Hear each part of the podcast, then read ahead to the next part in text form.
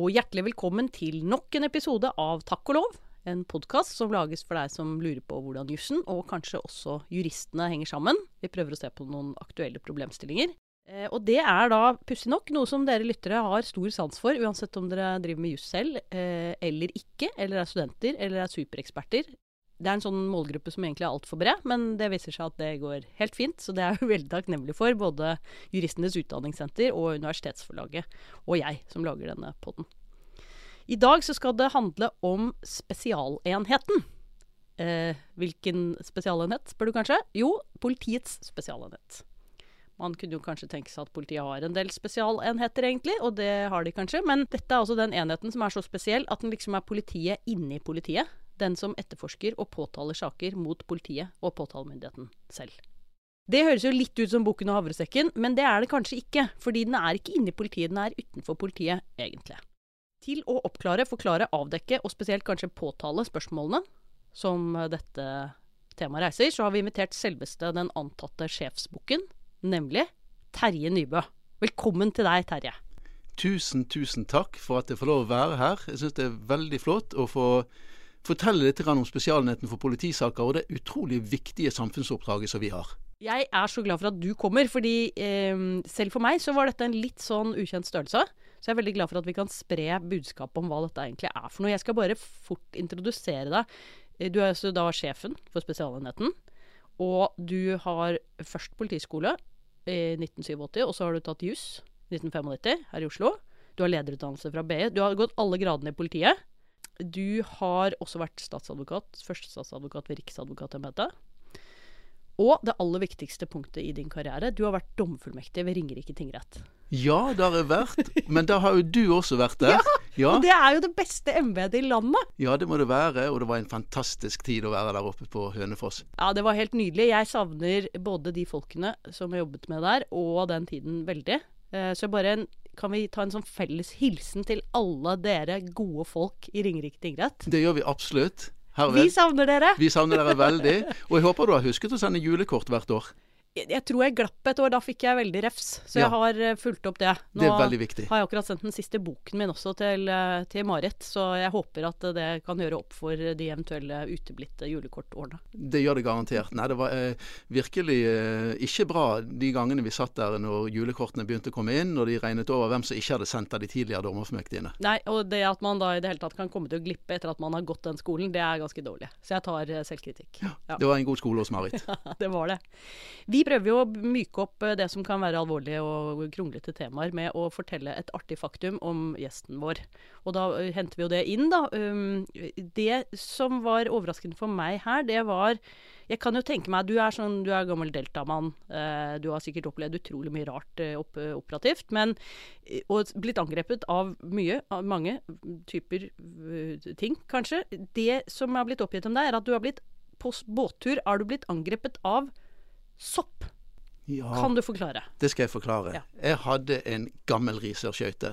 En gammel dame som var bygget i 1926, ja. som jeg holdt på med i mange år. Den lå borte i Bergen, og jeg brukte masse tid og krefter, og ikke minst penger, for å gjøre den eh, sjødyktig og fin. Og det gjorde jeg. Jeg hadde laget en helt flott ny innredning. Men så kom jeg bort dit, og så plutselig var den nye innredningen rammet av sopp. Og da orket jeg bare ikke mer. Jeg hadde brukt den båten to ganger kun. Jeg hadde bare jobbet med den. De to gangene jeg brukte den, det var til slipp. Så eh, jeg holdt på i mange år, og til slutt så ble det for mye. Og jeg solgte den båten til slutt med et fryktelig økonomisk tap. Men det er altså to lykkelige dager i en trebåteiers liv. Og det er når du kjøper, og når du selger. Og det var en lykkelig dag når jeg solgte den skøyten. Kitty het hun. Ja. Og jeg sto der og sa 'måtte hell og lykke følge deg på alle hav, Kitty'. Og så var den båten ut av livet mitt. Ja. Soppangrep på båt. Eh, lykke og dobbel lykke. Ja. ja. Godt å høre. Um, Terje, Spesialenheten. Kan du forklare hva, hva er egentlig Spesialenheten, og hvordan ble den til? Ja, det skal jeg gjøre. Og Spesialenheten for politisaker det er altså eh, en helt uavhengig enhet som er utenfor politiet, sånn som du presiserte innledningsvis, som er direkte underlagt eh, Justisdepartementet administrativt og Riksadvokaten rent faglig.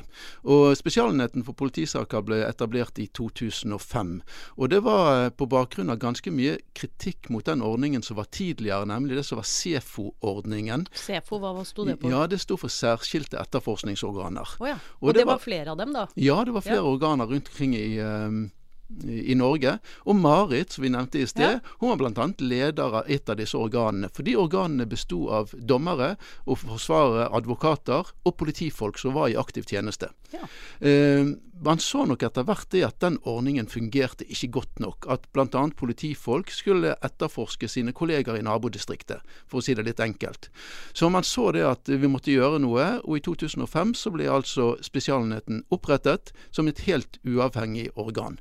Og uavhengigheten den er veldig, veldig viktig for oss. Og vi understreker det i alle sammenhenger, at vi er ikke en del av politiet, men vi er utenfor politiet. Det, hvordan, for dette er jo en, en, vedvarende mistanke, kan vi si. Det har jo vi som ikke er i politi og påtale, vi kan jo mistenke hva som helst hele tiden. Og vi mistenker jo at uh, dere er ikke så uavhengige. Det er litt sånn bukken som passer havresekken. Hvordan eh, sikrer dere uavhengighet? Ja, og jeg skjønner at det spørsmålet kommer opp. Og det er en sånn så sier, en vedvarende risiko med virksomheten som vi alltid må være oppmerksom på. Fordi eh, mange av de som jobber i Spesialenheten, de har jo sin bakgrunn fra politiet og påtalemyndigheten. Og det tenker jeg er naturlig. For det at de som vi etterforsker, nemlig politiet og påtalemyndigheten, de skal ha de samme rettssikkerhetsgarantier som enhver annen. Så etterforskning det er et eget fag. Eh, og Derfor må de som etterforsker kunne faget, og det utøves og utvikles egentlig i politiet og påtalemyndigheten. Men jeg tenker tenker at eh, når det gjelder uavhengigheten vår, så understreker vi det altså i alle sammenhenger. Eh, vi er faktisk uavhengige. Vi holder en armlengdes avstand til politiet i alle sammenhenger. Hvordan da? Ja, vi blant annet så eh, er vi tydelige på at vi skal, selv om vi skal ikke ha en sånn nær organisatorisk eh, sammenheng med politiet. Eh, våre tidligere, alle de som har jobbet i politiet tidligere, de skal være varsomme med å delta f.eks.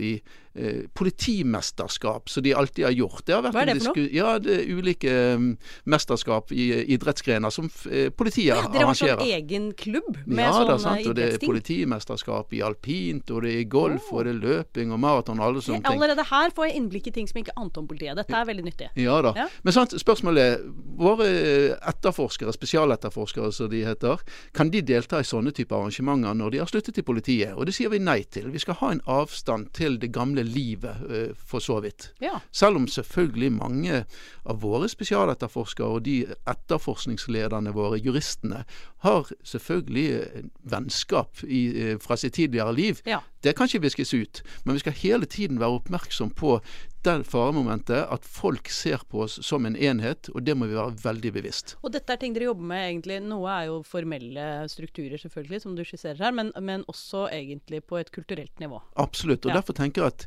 det veldig viktig at Spesialenheten utvikler sine egne etiske retningslinjer. Det står egentlig på programmet allerede i år. Jeg tror ikke vi klarer det nå. Fordi, men, bare La oss rygge ørlite grann. Du, hvor lenge er det du har vært i Spesialenheten? Ja, jeg har vært der veldig kort. Jeg har ja. vært der bare i et drøyt år. Ja, så, ja. Du, okay, så du er sånn Du kommer inn, du vet en del om selvfølgelig denne enheten, og du har noen nye tanker om hvordan du skal egentlig uh, prøve å bidra til at den uavhengigheten blir tydeligere for flere. Absolutt. Ja. ja. Og det er viktig at uh, Spesialenheten er tydelig utad. At vi, eh, Sånn som å være her, det er jo veldig nyttig for oss. Å skrive litt artikler i avisen og synliggjøre på en måte rollen vår, eh, det er viktig. Ja, jeg ble så glad for det. Det er jo ikke så mange Uh, hva skal vi si, etatsledere eller andre i uh, den type ansvarsfulle offentlige stillinger som deltar i det offentlige ordskiftet, dessverre. Det er jo litt min kjepphest. Det er sånn Kan flere gjøre det, vær så snill? Dere sitter på masse kompetanse som vi her ute gjerne vil ha. Um, du gjør det. Du er uh, i sosiale medier til og med. Det er jo, ikke, det er jo en relativt uh, vill offentlighet av og til. Ja, det er ganske vilt av og til. Ja da. Og jeg begynte med Twitter for noen år siden. Ja. Og det syns jeg var en veldig fin ting, for du får utrolig mye god informasjon i Twitter. Ok, Så det er en lyttepost? Det er absolutt en lyttepost, ja. ja. Men du deltar også?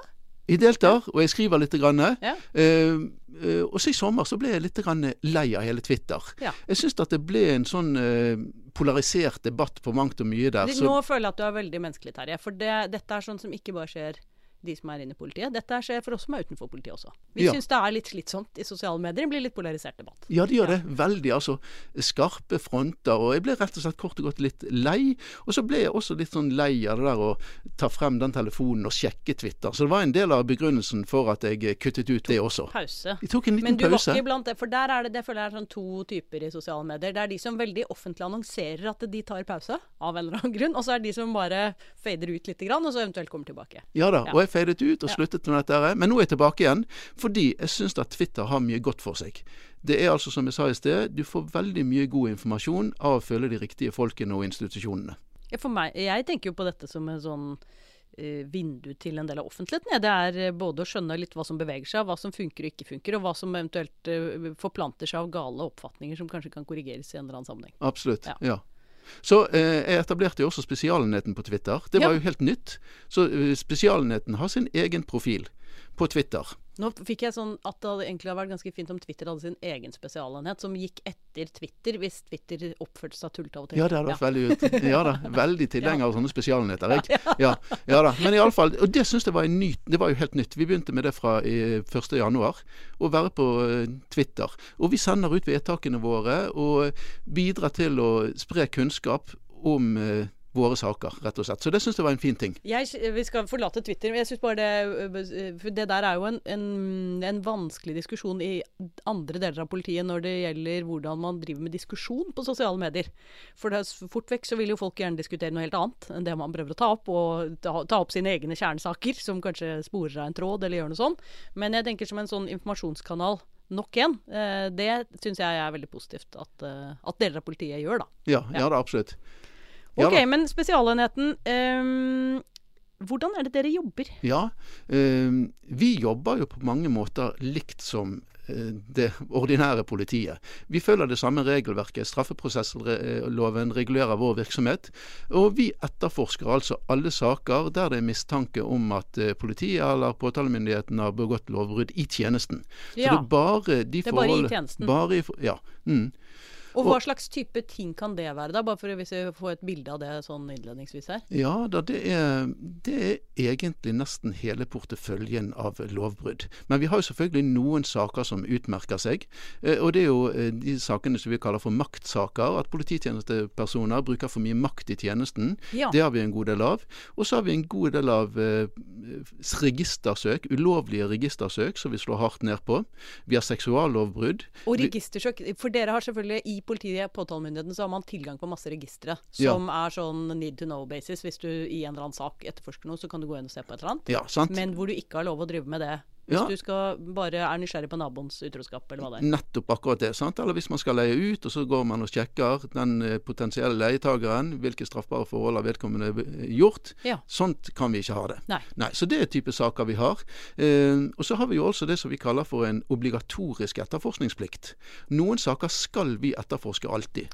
Ok, for de bare rygge ørlite grann der. For vanligvis så har man et slags opportunitetsprinsipp. Det er ikke alt man må forfølge, Nei. men noen ting må dere forfølge. Absolutt. Ja. Og de sakene som vi må forfølge, det er der noen blir alvorlig skadet eller dør som følge av tjenesteutførelsen. Ja. Og de etterforsker vi alltid. Og det er folk som dør i politiets arrester. Eller eh, dør som følge av andre ting. Det er en biljakthjerne, en som omkommer. Ja. Eller alle de tilfellene der noen blir skutt og drept av politiet. Ja. Og det har vi en del saker eh, om faktisk. Og vi avgjorde nettopp en sak for et par uker siden. En skyting i Bergen. Vi har hatt en sak på Bolkesjø. Vi har hatt, ja, vi har hatt mange sånne saker, eh, rett og slett. Og det er utrolig vanskelige saker. Eh, som vi bruker mye tid på. Men de skal altså etterforskes automatisk. Og hvordan skjer den etterforskningen? Da har dere, dere har både politifolk som kan etterforske, og så har dere påtalefolk som kan avgjøre påtalespørsmål. Eh, og så? Ja, det er det. Og så kaller vi de altså for uh, ikke politifolk hos oss. Vi, det er liksom en, en okay. del av denne Jeg bommer hele tiden her. Ja, jeg tror liksom stadig at det er en del av politiet. Ja, ja, men bra. Mm. Dette er fint. Ja, for vi kaller våre tidligere politifolk som de fleste er. Men ja. jeg skal komme tilbake til det at det er ikke alle som har den bakgrunnen. Men de er spesialetterforskere hos oss. og så er det juristene som er etterforskningsledere. Ja. Og vi er organisert sånn at vi har eh, i dag tre etterforskningsavdelinger. Vi har en avdeling i Bergen som kalles Vest, og så har vi en avdeling i Trondheim som kalles Midt og Nord, og så har vi en avdeling i dels Oslo og på Hamar, eh, som heter Øst. Hovedsetet for Spesialenheten ligger på Hamar. Så det er der du jobber, egentlig? Så jeg reiser opp Ja. til Hamar nesten hver eneste dag. Ikke fra Bergen, men fra Oslo, for det er her du bor. Her bor Ja, jeg, ja. ja. Og de avdelingene der for, eh, de vurderer alle innkomne saker, og de foretar eh, etterforskning. Og en av juristene som leder etterforskningen, skriver en innstilling til sjefen. Ja. Og Da sender de en innstilling basert på etterforskningsmaterialet til meg, og det går til eh, en av tre juridiske rådgivere som jobber hos meg, som eh, som jobber med den innstillingen, eh, gir gjerne tilbakemeldingen til etterforskningsavdelingen om her er det noe mer vi må gjøre. Og så omformulerer de den innstillingen til et vedtak som går inn til meg, som jeg jobber med. Så jobben min, den er eh, sånn at etter loven så har jeg kompetanse til å avgjøre alle disse sakene. Det ligger til meg, Ja. men jeg kan delegere det. Så eh, vi har en sånn toinstansbehandling av alle sakene. Jeg skal være litt tilbaketrukket i etterforskningen. Du er litt statsadvokaten, på en måte? Ja, helt Ja. riktig. Ja. Så vi, eh, og det er viktig for oss at eh, etterforskningsavdelingen foretar disse vurderingene på egen hånd, og så sender de en innstilling til sjefsnivået. Ja. Ja. Og i, eh, er det andre som utenfra også som hjelper dere her, eller? Ja, det er sant. Eh, Vi må av og til få hjelp av det ordinære politiet, for å si det sånn. Ja. Når vi rykker, Hvis det skjer en skyting, så har ikke vi Spesialenheten. Vi er en ganske liten enhet. Vi er bare drøyt 40 stykker. Ja. Vi har ikke kompetanse til å gjøre alle tekniske undersøkelser på et åsted. Så da må vi bruke lokalt politi til det. Skjer det en skyteepisode i Trondheim eller i Narvik, Ja. så må gjerne lokalt politi ta de umiddelbare undersøkelsene på stedet. Vi prøver så langt det er å bruke Kripos til sånne eh, åstedsundersøkelser. Og for de sitter et annet sted og er ikke så tette på det politiet som eventuelt har gjort noe galt. Helt riktig. Ja. For det er veldig viktig for oss. Og det er en del av denne uavhengigheten som vi snakket om i sted. Mm. Vi skal distansere oss. Det skal ikke være politiet som etterforsker. Bukken og havresekken må vi hele tiden tenke på. Mm. Men av og til er det uunngåelig. Lokalt politi må bistå oss på åstedene før vi kommer ut. Og vi reiser ut på disse ulike åstedene, og så foretar vi den innledende etterforskningen på stedet. Ja. Ja. Og så videre, da, hvis, eh, hvis man innstiller på at eh, her må det rett og slett tas ut en Er det tiltale man tar ut da? Ja, Ja, det, det er det vi kaller for positive påtaleavgjørelser. Ja, Ja, ok, så det, er- det, er- det er stjerne i boken. Ja, ja, ja. Eh, og fordi at veldig mange saker eh, i Spesialenheten blir henlagt. Eh, det kan vi sikkert komme tilbake til. Men Ja. altså noen av disse får det som vi kaller for positiv påtaleavgjørelse. Enten et forelegg eller en tiltale, da. Eller en påtaleunnlatelse, som det også kan være. Mm. Og eh, jeg har kompetanse på statsadvokatnivå. Eh, men hvis det er altså en strafferamme som hører under Riksadvokatens eksklusive kompetanse, så må vi sende saken dit med et forslag om tiltale, sånn som f.eks. tilfellet var med Erik Jensen-saken. Ja. Men de fleste sakene avgjør jeg sjøl, og da aktorerer vi det også i domstolene. Takk og lov. eh, Vi kan jo også fordype oss eh, ørlite grann mer enn det Terje eh, tar oss med på når det gjelder Spesialenheten. Kanskje ikke så mye akkurat den, men iallfall det som er grunnlaget for Spesialenhetens arbeid, nemlig strafferetten, straffeprosessen. Eh, måten eh, man tenker om dette på. Eh, og det er jo ikke så lett å bli kurset i. Der fikk vi jo egentlig lære at eh, det er Terje og Ja. gjengen hans som driver og kurser eh, politifolkene og påtale, for det er jo de som vet hvor skoen trykker. Men eh, fra Spesialenheten til hva skal vi si, generalenheten. Ja. Hva kan jusskurs bidra med her? ja, må, da må jeg si vi, vi, vi har mye som ligger veldig tett opp til. Eh, og da vil jeg liksom si at Jussdigital, som er et abonnement, som gir deg liksom tilgang til 120 kurs, vil styrke deg i din eh, juridiske kompetanse på fryktelig mye, og veldig tett opp til det som er dagens tema. Uten å gå rett inn i bedet. Veldig bra. Torbjørn Buer fra Juristenes Utdanningssenter. Eh, Sturla Blank Torkelsen fra Universitetsforlaget. Eh, bøker. Artikler. Hva skal vi lese? Ja, altså jeg håper jo Spesialenheten er innom juridika egentlig titt og ofte. Eh, fordi hos oss så har vi jo tidsskriftene Strafferett, Nordisk politiforskning, Nordic Journal of Studies in Policing og ikke minst lovkommentarene til uh, straffeloven, straffeprosessloven og tvistloven. Um, Ganske uvurderlige jeg vil si det. redskaper. Helt klart. ja. Også for en så spesiell enhet som Spesialenheten. Selv for de som er så spesialiserte som Spesialenheten. Veldig bra. Tusen takk skal dere ha. Da har vi eh, litt mer eh, bakgrunnsinfo der.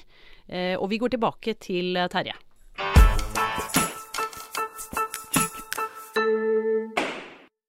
Kan vi få en liten titt behind the scenes på Erik Jensen-saken? No, er det noe du kan fortelle? Altså, Folk er jo veldig nysgjerrig på den, ja. for den var så stor. Hvordan, hva var Spesialenhetens rolle, går det kanskje an å spørre om? Ja, det kan jeg absolutt si litt om. For det første så var jo dette en sak som startet i 2014 og har preget Spesialenheten i veldig mange år, inntil eh, nå Høyesterett i november i fjor ikke tillot tanken hans fremmet. Mm. Eh, en sak som mange tenkte var altfor stor for Spesialenheten. Dette klarer aldri Spesialenheten. De er for små, de har ikke kompetanse. Det tenker vi at eh, Spesialenheten har tilbakevist eh, gjennom eh, de domstolsrundene som vi har hatt der. En sak som har preget Spesialenheten på veldig mange måter. Livet har stått litt stille i Spesialenheten mens denne saken har gått. Fordi dere ikke har hatt kompetanse til å gjøre så mye annet, eller? Ja, ja. Eh, ja vi har ikke hatt tid til å gjøre så mye nei, nei. annet. sant? Ja. Så mye uh, av f.eks. kompetanseutviklingen i Spesialenheten har stått litt tilbake i disse årene. Så det er noe jeg må ta tak i nå, ja. for at vi skal holde tritt med den utviklingen som skjer i politiet og påtalemyndigheten for øvrig. For det skjer veldig mye på fagområdet i politiet akkurat nå. Ja. Og det må vi holde tritt med, for vi kan ikke komme dit som spesialenhet at vi er dårligere enn det politiet vi skal etterforske. Det går ikke. Nei, det vi må være helt på høyden. Gir mening. Ja. Men hva, hva, gjør dere for å ta igjen dette, da? Ja, nå har vi eh, eh folk på eh, kurs på Politihøgskolen i veiledningspedagogikk. Vi skal bli bedre på å gi tilbakemeldinger. Vi skal bli bedre på avhør. Vi skal gå på kurs på Kripos i eh, den nye avhørsmetodikken. Vi eh, iverksatte Dette er den som vi hørte Asbjørn Rachlew forklare oss om, som til dels er inspirert av alt som, veldig mye som gikk galt i Birgitte Tengs-saken. Ja, blant annet er han inspirert ja. av det, ja. Sant? Eh, mange av våre eh, etterforskere kan dette, her, men vi må, vi må, følge med på den utviklingen der. Ja. Og nå starter vi også et nettbasert eh, opplæringsprogram med ulike temaer som vi har ulike nettløsninger for, som eh, spesialetterforskerne og juristene skal eh, følge. Så vi er på veldig god vei når det gjelder kompetansehevende tiltak akkurat nå. Og jeg sier det skal ikke være en eh, salderingspost hos oss. Og Der er jeg litt inspirert av Domstoladministrasjonen. For jeg syns at de har vært veldig flinke til å tenke kompetanseutvikling for dommerne. Ja. Uh, og uh, det har jeg også lyst til. Ja, men det, det, er fint. Jeg har jo av og til fått lov å være med å holde noen kurs for sånne dommere i, i, noen av mine felt, og det virker som det jobbes veldig godt med dette her. Ja, og, og det er helt avgjørende for oss. For vi er så opptatt at vi skal ha tillit. Vi skal ha tillit både i politiet og i påtalemyndigheten og i samfunnet for øvrig. Og eh, hvis Hvor er det er det sliter mest med den tilliten? Ja, det, eh, det tror jeg kanskje eh, kanskje vil være utad. Men eh, det delte meninger om oss i politiet også. Hva, syns, hva, er de som er negative til dere i politiet, hva syns de? At dere er for nidkjære, eller at dere er Ja, det kan nok være det, altså. Ja. ja mm.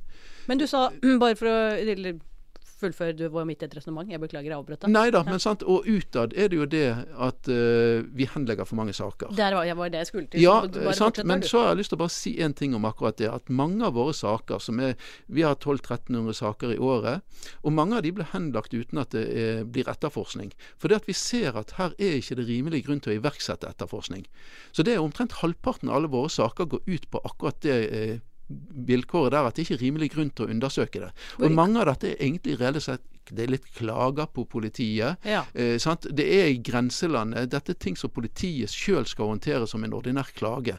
Det er ikke noe pretensjon og noe straffbart, rett og slett. Nei. Og bare nå ble jeg nysgjerrig, det er ikke sikkert du har dette tallet i hodet, men uh, hvordan er forholdstallet her? I det ordinære politiet uh, henlegger også ganske mange av de sakene til Forum, vil jeg tro? Ja, ja, det gjør ja. de også. Ja. Ab absolutt. Så det er ikke gitt at uh, dere henlegger flere Neida. saker enn resten av politiet? Nei da, absolutt ikke. Nei, dette må vi lese oss opp på, for det kan jeg ikke. Men det slo meg bare at det er vel ganske mange ting som anmeldes ellers også, som ikke nødvendigvis fører til noe mer enn det. Ja da, virkelig. Og ikke minst av den hverdagskriminaliteten. Sant? Og Politiet har jo nå, og Riksadvokaten sine rundskriv om prioriteringer ja. går jo selvfølgelig på den alvorlige kriminaliteten. sant? Ja, Volds- og seksuallovbrudd bl.a. Ja. Vold i nære relasjoner. Så det er jo klart at det er en del ting i det nedre sjiktet der som politiet ikke har kapasitet til å ta tak i i dag. Ja. Du nevnte litt om hva slags type saker dere har mye av. Men er det noen type saker som ja, Noe er selvfølgelig veldig vanskelig fordi det er veldig alvorlig. Men er det noen, er det noe, som, noen trender på en type saker som det blir mer av eller mindre av? Av, den, av de, det som er i deres portefølje? Um, det er kanskje ikke så godt å si. Jo... altså de, de, trendene vi har sett og som vi har slått ned på, det er jo bl.a. dette med registersøk. Ja. Eh, det er fristende. Nå, der og har det i Vi er strenge på det, ja. eh, og det har nok spredd seg i politiet. Eh, maktsaker der politiet bruker eh, for mye makt i tjenesten, det var jo litt av bakgrunnen for hvorfor man eh, i det hele tatt fikk en spesialordning eh, om saker mot politifolk. I gamle dager, før C-forordningen som jeg nevnte i sted, ja. så var det to særskilte statsadvokater i Eidseveting statsadvokatembeter som skulle behandle maktsaker. Okay. Det var det som var tema den gangen. Ja. Ja. Men jeg syns at vi har maktsaker nå også.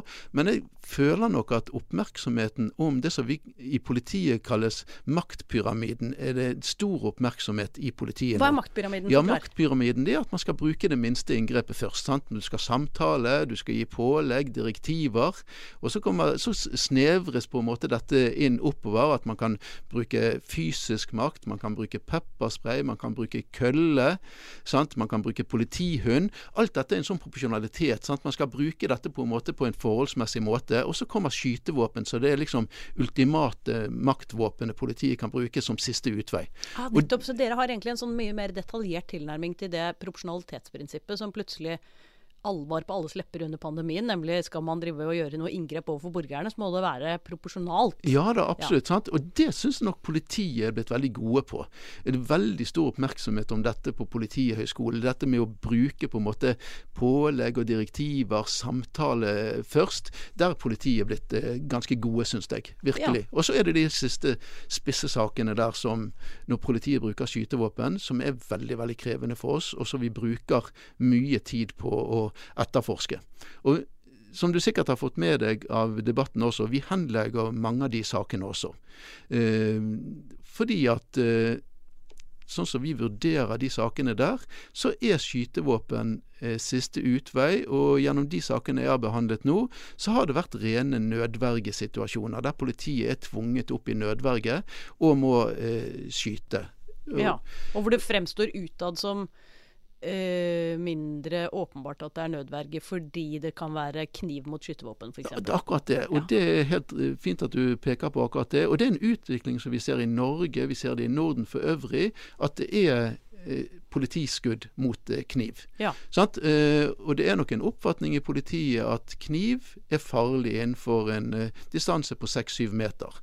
Ja. ja. Eh, også er det det at mange av disse skytesakene det gjelder overfor uh, mennesker som er ustabile av ulike grunner. Uh, og uh, da tenker vi at det er en del ting vi kan se på gjennom vår etterforskning som kanskje kan bidra til å endre noe av den taktiske tilnærmingen i politiet. Så vi sender mange av våre saker til det som vi kaller for administrativ gjennomgang. For et av hovedmålene, eller oppgavene til Spesialenheten, det er å bidra til læring. Det er veldig viktig for oss at vi gjennom vår etterforskning så skal vi bidra til at politiet blir bedre. Og påtalemyndigheten blir bedre, f.eks. på bruk av tvangsmidler. Ja. Og vi ser en god del ting som vi eh, peker på som absolutt er grunn til å forbedre, uten at det derved eh, reagerer strafferettslig. Eh, vi skal jo opp på en sånn eh, ganske høyt opp på stigen, derfor vi sier at dette grovt klanderverdig. Sant? At mm. uaktsomheten er grov. Sant? Eh, sterke bebreidelser og disse tingene her som Høyesterett har utpenslet som normen for den grove uaktsomheten. Sant? Men under der så er det liksom Det er ganske eh, mye der, ja. Ja, sant. Ja. Eh, det er den optimale tjenesteutførelsen. Det er det som kan være kritikkverdig. Og så går det oppover til det straffbare. Og i dette spennet her opererer vi. Så vi ser en del ting som vi peker på, og så sender vi det til Politidirektoratet. Og så kan de se på dette nasjonalt. Og det har vi gjort med flere skytesaker nå i det siste der vi ser at det er ulike ting som virkelig det er grunn til å uh, gripe fatt i. Det er mitt inntrykk at Politidirektoratet f.eks. akkurat uh, gjør nå. Det var et medieoppslag på det for noen dager siden også, at de ser på en del av disse sidene ved politiets bruk av skytevåpen. Og nå har jo også um, politiet fått uh, eller det er en beslutning om at politiet skal få elektrosjokkvåpen. Ja. Og det tenker jeg er en uh, god ting. For da er du, helt, du er mot toppen av pyramiden. Du er over pepperspray, men under skytevåpen. Helt riktig. Ja. sant? Ja. Det vil nok ikke passe i alle situasjoner, men i flere av disse situasjonene som vi behandler, så ser vi det at elektrosjokkvåpen absolutt kan være anvendelig. Ja. ja. Okay. Så læring det ja. er veldig viktig for spesialenheten. Det, det, slår meg her at det er egentlig en sånn læringsprosess i to retninger. Man kan selvfølgelig henge seg, eh, forbli i bukken og havresekken-narrativet. Eller så kan man være sånn OK, de som visste hvor skoen trykket og hadde drevet med dette selv, de kom over i spesialenheten og skjønte mer av hva de egentlig skulle etterforske. Ja. Og så kunne de bidra med læring tilbake igjen, fordi de plutselig var på den andre siden og så det fra den siden og bare hm, Vent nå litt, dette, sånn burde vi ikke fortsette å gjøre det. Mm. Ja, ja og, og jeg har jo reflektert mye over min rolle som leder og sjef for Spesialenheten med min bakgrunn ja. i det operative.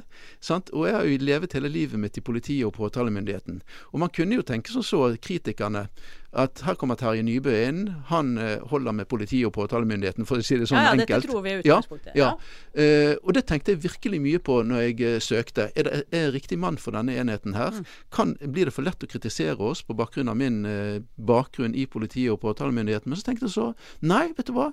Jeg tenker at det kan være helt greit. Jeg vet hvordan det er der ute. Vi skal ha tillit i alle leirer. Jeg vet hvordan det er å stå med våpen overfor folk. Jeg vet hvordan det er å fatte avgjørelser på et splittsekund, både der ute og egentlig egentlig også som en tjuravende jurist på en ja. uh, politistasjon. Og jeg tenker at uh, tillitsaspektet det, Kritikerne vil se det gjennom avgjørelsene våre. At uh, sjefen Spesialenheten ikke tar sånne utenforliggende hensyn. Rett og slett at han klarer å distansere seg fra sin tidligere bakgrunn. Og Det er viktig for meg å gå den runden der, rett og slett. Og det gjorde jeg når jeg søkte.